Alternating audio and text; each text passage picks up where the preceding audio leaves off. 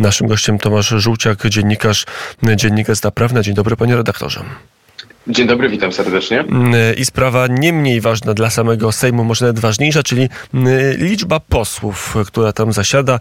Jest spór, ilu mamy posłów, ale mamy też stanowisko PKW. Państwowa Komisja Wyborcza opublikowała swoje stanowisko. Dwie strony maszynopisu i wniosek wydaje się być, wyrok wydaje się być salomonowy. Nie wiem, czy tak to będzie zrealizowane.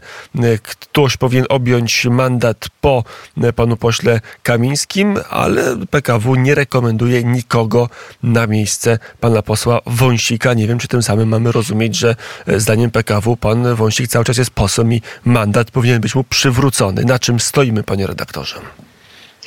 Tak, rzeczywiście e, mamy świeże, e, datowane na wczoraj pismo PKW w tej sprawie, w odpowiedzi na wcześniejsze pisma marszałka Hołowni do PKW.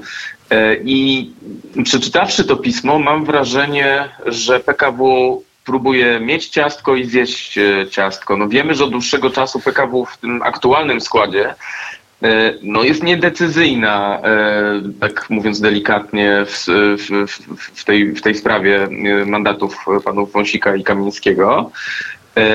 Ale no, widać, że jest już jakaś próba posunięcia sprawy do przodu, ale jednocześnie zdjęcia z siebie odpowiedzialności, bo w tym piśmie PKW bardzo wyraźnie to podkreśla, że ona tym pismem nie, nie chce brać udziału w sporze polityczno-prawnym, którym E, żyjemy od e, wielu tygodni, a jedynie pełni tak naprawdę funkcję takiego trochę wyborczego notariusza. No, że skoro pan marszałek do nas napisał, my mu coś odpowiedzieliśmy, on wniosek ponowił, no to był po prostu y, odpowiedzieliśmy przytaczając oczywiste fakty, no bo przecież nie jest żadną tajemnicą, kto jest y, następny w kolejce y, na liście, z której startował Mariusz Kamiński. Rzeczywiście nie ma tutaj odniesienia się do sprawy pana Wąsika, ale to wynika po pierwsze z faktu, że e, sam marszałek Hołownia nie podtrzymał swojego wcześniejszego wniosku o to, żeby wskazać tych kolejnych kandydatów przez PKW w jego sprawie. No a po drugie, no, tutaj ta sytuacja prawna wokół Macieja Wąsika jest e, troszkę chyba bardziej skomplikowana niż w przypadku Mariusza Kamińskiego, bo jednak w przypadku Kamińskiego mamy chociażby opublikowane postanowienie w monitorze polskim dotyczące wygaszenia jego mandatu, na co zresztą PKW się powołuje w tym piśmie. W przypadku Wąsika takiego postanowienia nie ma. I w przypadku Kamińskiego, no jak wiemy, orzekła Izba Pracy Sądu Najwyższego, która no, orzekła zupełnie inaczej, e, żeby nie powiedzieć wprost sprzecznie, z tym, co orzekła Izba Kontroli Nadzwyczajnej w sprawie Macieja Wąsika. Więc e, wydaje mi się, że to podsumowując trochę tę skomplikowaną materię, to, co dzisiaj obserwujemy, ten ruch PKW, to jest po prostu takie klasyczne przerzucenie piłeczki na boisko Szymona Hołowni. I PKW tym pismem po prostu mówi, panie marszałku, my swoje zrobiliśmy, chciał pan dostać taką informację, proszę bardzo, proszę bardzo, oto ona, my nie chcemy z tą sprawą mieć nic wspólnego, e, a to, co pan zrobi z tą informacją w sprawie e, Mariusza Kamińskiego, to niech pan to robi, ale proszę pamiętać, że robi to pan na własną i pełną odpowiedzialność. To proszę, panie redaktorze, powiedzieć, co może zrobić marszałek e, Hołownia, nie tyle formalnie, no bo może przyjąć, to jest jasne, ale politycznie. Jakie tam pomysły polityczne krążą po największym gabinecie w polskiej polityce, gabinecie marszałka Sejmu? Ja myślę, że sprawa od dłuższego czasu zmierza e, w kierunku e, tego, żeby faktycznie e, mm, coś zrobić w sprawie e, mandatu po Mariuszu Kamińskim, a sprawę e, mandatu po Macieju Wąsiku pozostawić na razie no niejako w zawieszeniu do czasu, aż ta sprawa mm, prawnie się choć trochę wyklaruje. Mm, bo przecież marszałek Hołownia już zapowiadał wcześniej, że będzie dociekał, gdzie są jego pisma złożone w Sądzie Najwyższym, co się stało z aktami i tak. Oczywiście wszyscy wiemy, co się stało, ale rozumiem, że chodzi o e, taką podkładkę formalną, która będzie tłumaczyła zwłokę e, w tym działaniu w sprawie pana Wąsika. No w przypadku Mariusza Kamińskiego ja oceniam, że marszałek Hołownia, jeżeli chce być konsekwentny, jeżeli nie chce być oskarżany przez własne środowisko polityczne, pod którego jest silną presją, o niekonsekwencje w tej sprawie, no to teoretycznie to pismo PKW stanowi dla niego kolejną podkładkę, żeby jednak ten tak zwany casting y, na mandat po Mariuszu Kamińskim no, wszcząć. Pytanie oczywiście, czy to się stanie, bo tutaj pewności nie mam. E, a jeżeli się stanie, to kiedy? No i pytanie oczywiście, co zrobią ci kolejni kandydaci e, z listy e, PiS, bo pamiętajmy, że z list z PiSu startowali nie tylko działacze PiSu, ale po prostu osoby, które cieszyły się jakimś politycznym błogosławieństwem tejże formacji, więc tutaj nie byłbym taki pewien, bezwzględnej lojalności tych kandydatów, bo mogą zadziałać po prostu jakieś indywidualne ambicje. A jeżeli mnie pan redaktor jeszcze pyta o kwestię politycznego rozwiązania tego. Nie, jeszcze pytam o pana posła Wojcika, no bo to jeszcze pismo PKW wskazuje trzech posłów, kolejno panią Joantę Pawłowską, która startowała z list PiSu i była członkinią klubu parlamentarnego Prawo i Sprawiedliwość w poprzedniej kadencji, chociaż swój staż parlamentarny zaczynała w barwach lewicy. Potem Małgorzata Strzałkowska, potem Jan Madziar, to już politycy e, e, z dłuższym stażem w strukturach partii prawicowych, e, także Prawa i Sprawiedliwości. A co zrobi się z panem Wąsikiem? Bo teraz pytanie, jeżeli by uznać, że jednak nie wiem, jak to logicznie, prawnie wytłumaczyć, ale załóżmy, że taki kalambur myślowy złożymy sobie, że, że jednak uznamy, że pan Maciej Wąsik cały czas jest posłem, a nie jest tym posłem Mariusz Kamiński, no to wtedy jest opcja, że na przykład marszałek marszałek e, Hołownia przywróci mu mandat poselski, jeśli tak, to na podstawie jakich przepisów? Nie, moim zdaniem raczej są marne szanse na to, żeby mm, e, e, w jakiś sposób dokonać sanacji tej mandatowej No bo sytuacji. to już w ogóle był jakiś absurd i nie wiem jakie przepisy prawa tu podciągnąć pod taką operację. Ja, ja osobiście mam pogląd na sprawę zbliżony do tego, co komunikuje Rzecznik Praw Obywatelskich, profesor Wiącek. To znaczy e, też uważam, że tutaj zadziałał z mocy prawa, czyli jako z automatu prawomocny wyrok, natomiast ułaskawienia prezydenta nie, nie cofnęły tej sytuacji. Ułaskawienie prezydenta e, dokonało, e, miało to przełożenie, że panowie wyszli za krat e, i, i, i, i że będą mogli czy mają perspektywę na, na start w, w, różnych innych wyborach, czy to europejskich, czy na przykład do kadencji przyszłego Sejmu. Natomiast e, sprawa mandatu po prostu zadziała się automatycznie. I, I teraz e, przywracanie tego mandatu jednemu czy drugiemu panu, no to byłoby jakiś naprawdę kalamburem prawnym, którego, który trudno by, byłoby wytłumaczyć, ale to zarówno prawnie, jak i politycznie, bo nie wyobrażam sobie, żeby koalicja rządząca, która idzie w zaparte w tej sprawie, no, żeby nagle miała o 180 stopni zmienić swoje zdanie. I zresztą samym PiS się mówi, że faktycznie ta sprawa jest e, po pierwsze przegrzana e, przez e, Prawo i Sprawiedliwość, bo wszystkie sondaże wskazują na to, że większość ankietowanych po prostu nie kupiła tej historii o więźniach politycznych, o torturach, o tym, że oni są ciągle posłami. Ja przynajmniej takiego sondażu nie widziałem i PiS też sobie zdaje sprawę z tego, bo nie jest kierownictwo PiS zadowolone z tego, jak ta sprawa wczoraj rozegrała się pod Sejmem, prawda? To nas, to nas się... prowadzi do drugiego, drugiego tematu. W dzisiejszym numerze Dziennika Gazety Prawnej pan redaktor razem z redakcyjnymi kolegami, koleżankami opisuje, co właściwie myśli się w Prawie i Sprawiedliwości w kierownictwie największej partii w polskim parlamencie o zajściach z wczoraj, o próbie siłowego wprowadzenia dwóch polityków, posłów, nie posłów, zdania podzielone na, na teren Sejmu, na salę plenarną. E, no i jakie są te refleksje po obrazkach z dnia wczorajszego na Nowogrodzkiej? Z tego co wiem, kilka godzin po tym e, no, happeningu, zdarzeniu, e, flashmobie pod Sejmem, różnie to można metkować, zebrało się kierownictwo partii na Nowogrodzkiej wraz z szefami struktur. E, no i rzeczywiście sprawa była e, dyskutowana i z tego co słyszałem było bardzo daleko idące niezadowolenie z tego, jak ta, jak ta sprawa się rozegrała. Nie tak to miało wyglądać, mówiąc w skrócie. Plan podobno zakładał, że panowie owszem pojawią się pod Sejmem, będą w asyście e, kolegów, koleżanek partyjnych, ale generalnie w miarę pokojowo, może nawet z uśmiechem na ustach, pójdą, e, będą wnioskować o wejście do Sejmu, dostaną odmowę i plan zakładał, że te odmowy dostaną na piśmie, e, co potem dołączyłoby do arsenału środków, jakimi PiS zamierza się posługiwać na kolejnym etapie rozstrzygania tej sprawy, bo teraz PiS zamierza zmieniać taktykę, czyli już ma nie być już więcej tych burt politycznych, jakichś dziwnych happeningów, tylko PiS twierdzi, że będzie teraz prowadził tę sprawę w dużo mniej efektowny sposób, ale być może bardziej efektywny, czyli na drodze prawnej. No ale rzeczywistość pokazała, że plany mm, często sobie, a właśnie realia sobie. Doszło do wąskiego gardła już przy sejmowych rogatkach i, i sprawa wymknęła się spod kontroli.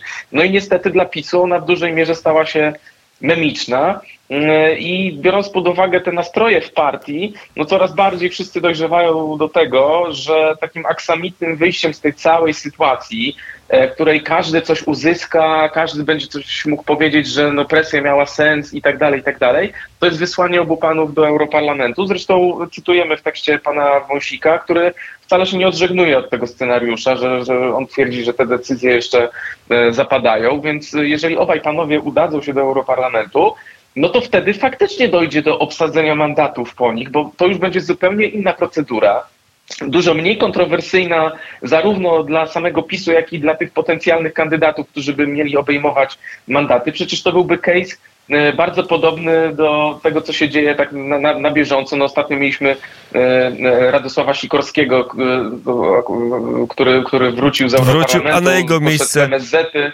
a na jego miejsce poszedł pan Brejza, prawda? Więc to, to jest zupełnie inna procedura i to pozwoliłoby wygasić ten spór, co nie znaczy, że nie zostaniemy z problemem natury prawnej na przyszłość, bo jednak to jest jakaś nauczka, że przepisy znów okazały się niedoskonałe w kontekście no, problemu polityczno-prawnego, z jakim mamy do czynienia. I no, w sytuacji, w której rzeczywiście mamy e, e, taki wymiar sprawiedliwości e, dwubiegunowy, gdzie mamy jedną izbę, która orzeka jedno, druga, która orzeka co innego, jedna izba jest uznawana, druga nie jest uznawana, no to właśnie dochodzimy do, do takiej prawnej ściany i dzisiaj efekty tego widzimy. Naszym gościem Tomasz Żółciak, dziennikarz Dziennika Gazety Prawnej.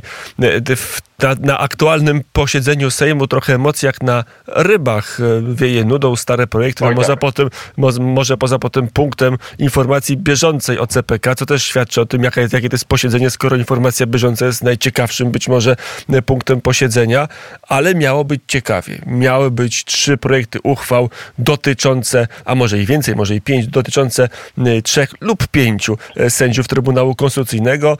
Koniec końców tych projektów nie ma i prawie na pewno nie będzie, bo trudno sobie jeszcze wyobrazić, żeby jutro jakieś, jakimś, jakimś bokiem one zostały wprowadzone. Co się stało i jaki ma dalszy plan koalicja rządząca na Trybunał? A może sobie Trybunał odpuści i będzie czekać na naturalny bieg zdarzeń i, i kończące się kolejne kadencje kolejnych sędziów?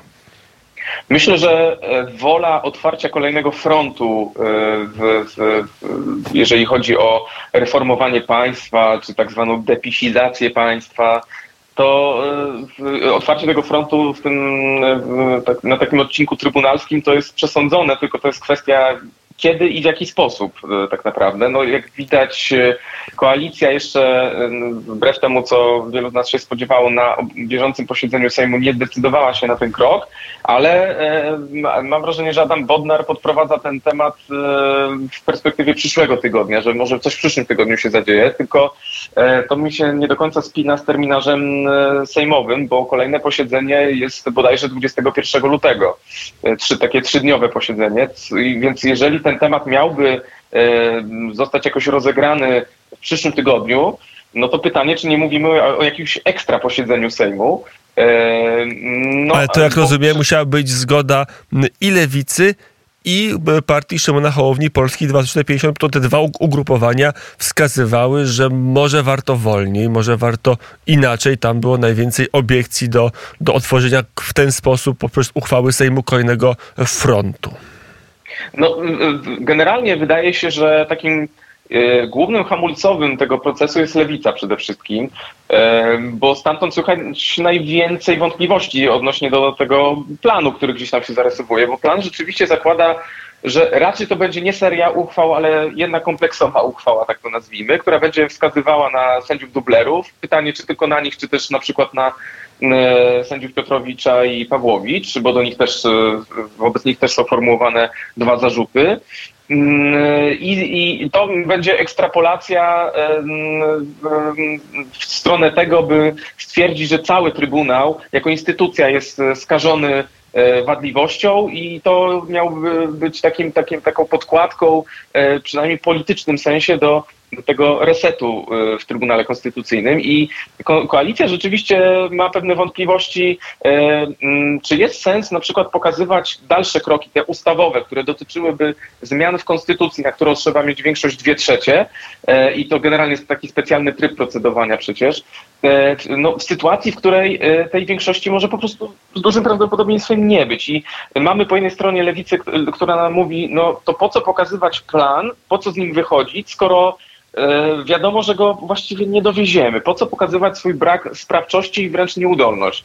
Po drugiej stronie mamy na przykład Adama Bodnara, Koalicję Obywatelską, którzy mówią, no dobrze, ale to w takim razie co, mamy nic nie robić, mamy niczego nie pokazywać, nie warto próbować, namawiać, rozmawiać, więc e, te, tutaj ścierają się te dwa poglądy e, i wydaje się, że e, jednak przeważy no, prawo silniejszego koalicjanta, więc ja bym raczej obstawiał, że ten scenariusz uchwałowo-ustawowy w którymś momencie się rozegra. Oczywiście gdzieś tam w tle pojawiają się takie głosy, że jeżeli to się nie uda, e, no to pamiętajmy, że ten trybunał, on, e, ten beton kadrowy w trybunale, on z czasem sam będzie się kruszył, bo w tym roku mm, odejdzie trójka sędziów, skończy się też prezesura, e, prezes Przyłębskiej, więc będzie okazja do skazania trójki. W przyszłym roku bodajże dwóch sędziów odejdzie, więc w, no, w przyszłym roku obecna koalicja będzie już mogła wskazać pięciu sędziów, a to jest bardzo ważne, bo e, pełny skład e, TK no to jest co najmniej 11 z 15 sędziów.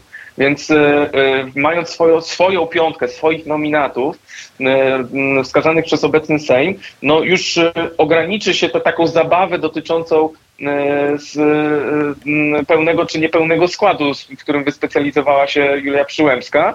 E, I ten Trybunał coraz bardziej będzie kontrolowalny przez tą obecną większość. No oczywiście pytanie, czy chcemy, żeby w ten sposób Trybunał systemowo funkcjonował. Ja uważam, że co do zasady dobry jest ten pomysł, który gdzieś tam krąży w ramach tej koncepcji resetu konstytucyjnego, żeby spróbować wybierać tych nowych sędziów wielkością, większością trzech piątych w pierwszym kroku, a jeżeli to się nie uda, to większością bezwzględną, bo to będzie dawało faktycznie jakąś e, szansę na e, Chociaż... dogadanie się z opozycją przy, przy kolejnych e, nominacjach.